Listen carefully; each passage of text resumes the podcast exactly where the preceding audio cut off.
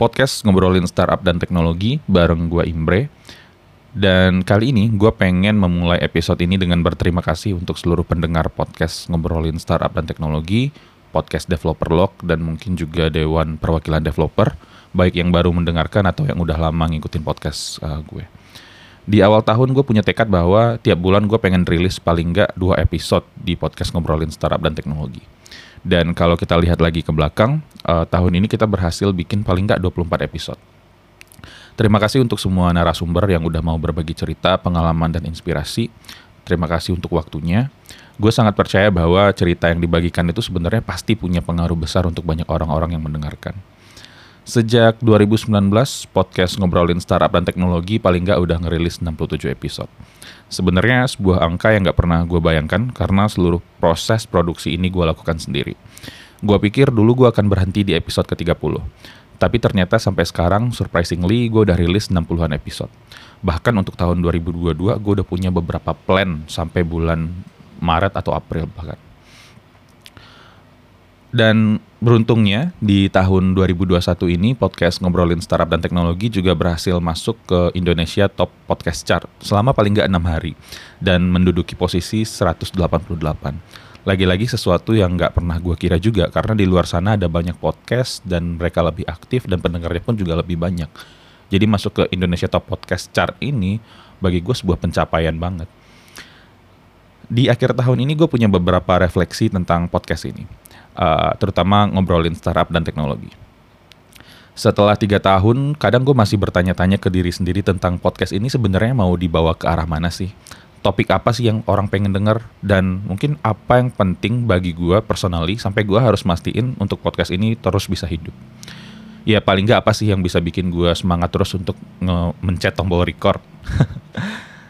uh, kita akan mulai. Eh, yang pertama, uh, tiga tahun belakangan gue ngelakuin semuanya sendiri. Ada banyak hal yang sebenarnya bisa gue selesaikan sendiri dan ada banyak learning juga yang gue pelajari di sepanjang proses ini. Tapi pada akhirnya kali ini gue mikir kalau seandainya gue pengen punya impact yang lebih luas lagi, kayaknya gue akan butuh tim. If you want to go fast, go alone. If you want to go far, go together.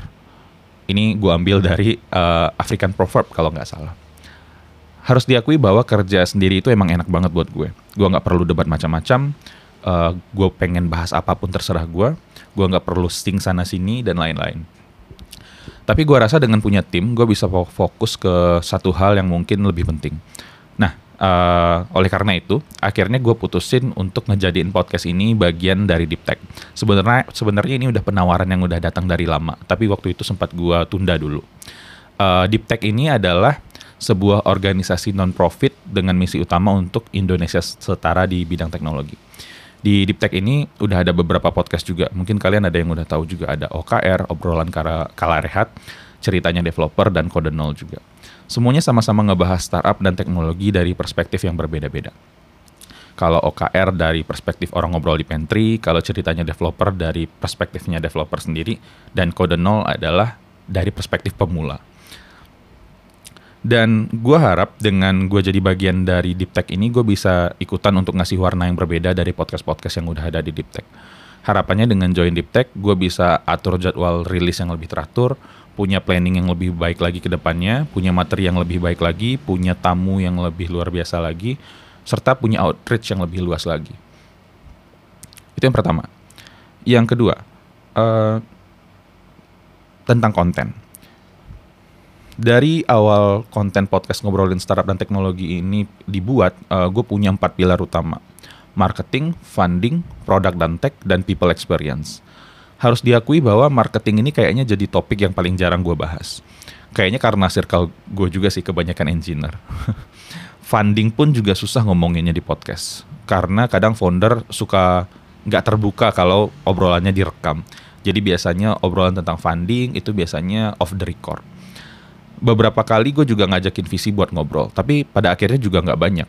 Jadi selama setahun kebelakangan, uh, setahun ke belakang, harus diakui bahwa kebanyakan topik yang dibahas di podcast ini adalah tentang produk, tech, dan people experience, including leadership dan failure stories.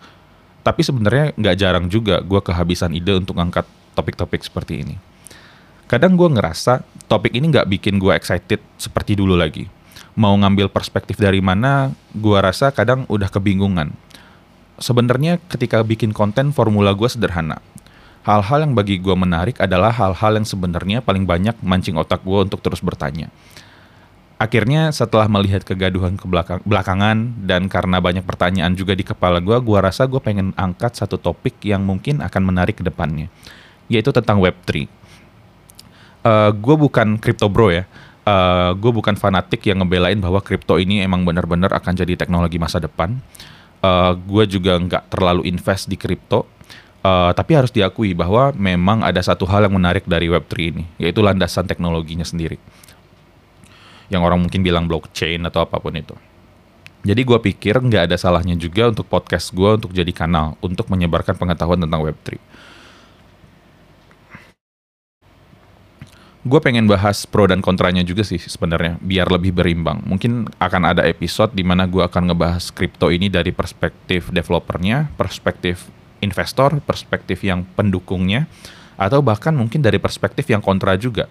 Dan bahkan mungkin nggak menutup kemungkinan juga kalau kita mendengarkan pandangan yang bilang bahwa kripto itu haram. Uh, atau mungkin kita bisa ngegali use case apa pun yang bisa di-solve oleh Web3. Karena ini selalu jadi pertanyaan oleh orang-orang banyak. Apa sih yang dicoba diselesaikan oleh Web3 dan segala macam. Kita akan ngobrolin banyak hal, bukan cuma Web3 doang sebenarnya. Ada banyak topik, topik tentang gimana memulai startup, gimana switching karir, dan segala macam. Jadi tunggu aja. Uh, ketiga, gue pengen bahas tentang narasumber. Kalau ditarik balik lagi ke awal tahun 2021 sampai sekarang dari semua narasumber yang ada cuma ada dua cuma ada dua narasumber yang perempuan. Itu ada di episodenya Ciko PM di flip.id dan April PM di sampingan.co.id. Dari analitik podcast pun kelihatan bahwa hanya 14% pendengar podcast gue itu adalah perempuan. Beberapa waktu yang lalu gue sempat ngobrol sebenarnya bareng salah satu teman di komunitas dan pada akhirnya kita agree bahwa audiens itu sebenarnya nyari sesuatu yang either inspiring atau sesuatu yang relate dengan mereka. Gua rasa ada banyak orang yang mau masuk ke industri IT. Ada banyak perempuan yang mau masuk ke industri IT. Baik itu fresh graduate atau bahkan orang-orang yang ingin switch karir ke industri IT. Tapi mereka mungkin nggak tahu harus mulai dari mana dan bagaimana cara uh, masuk ke sana dan jalur apa yang harus ditempuh supaya mereka bisa masuk. Oleh karena itu, di tahun 2022 ini, selain punya tekad untuk tetap bisa bikin dua episode tiap bulan, gue ingin mendedikasikan satu episode tiap bulannya untuk mendengarkan cerita dan perspektif dari narasumber perempuan yang udah terjun di industri IT. Harapannya dengan berbagi cerita, ada banyak orang nanti yang pada akhirnya, terutama perempuan, bisa relate dan masuk ke industri ini, dan bekerja dan mendapatkan penghidupan yang lebih baik. Tentu bukan cuma di role engineering ya, tapi kali ini gue juga pengen ngebuka pintu selebar-lebarnya untuk ngobrol bareng narasumber perempuan di berbagai role. Baik itu product management, UI UX design, dan bahkan leader di organisasi masing-masing. Terus terang gue punya beberapa nama yang udah gue catat, mulai dari yang udah berpengalaman sekian tahun, bahkan sampai yang baru masuk industri. Kalau misalkan kalian punya nama dan masukan, uh, silahkan kontak gue di Twitter, DM gue di Twitter, dan beritahu ide atau masukan kalian. Oke, okay, uh, terakhir kayaknya uh, di 2021 ini mungkin nggak mudah untuk kita ya. Di tahun ini kita banyak mendengar berita tentang kekerasan seksual dan lebih parahnya lagi beritanya datang bertubi-tubi di akhir tahun ini. Hingga akhirnya kita pun uh, kita pun dengar bahwa ada kekerasan seksual di lingkungan startup. Gue pribadi mengecam tindakan seperti ini dan gue berharap pelakunya diproses seadil-adilnya dan korban pun dilindungi hak-haknya. Dan gue berharap kita semua di sini bisa saling jaga, jaga diri sendiri, jaga keluarga kita, dan jaga kolega-kolega kita di kantor.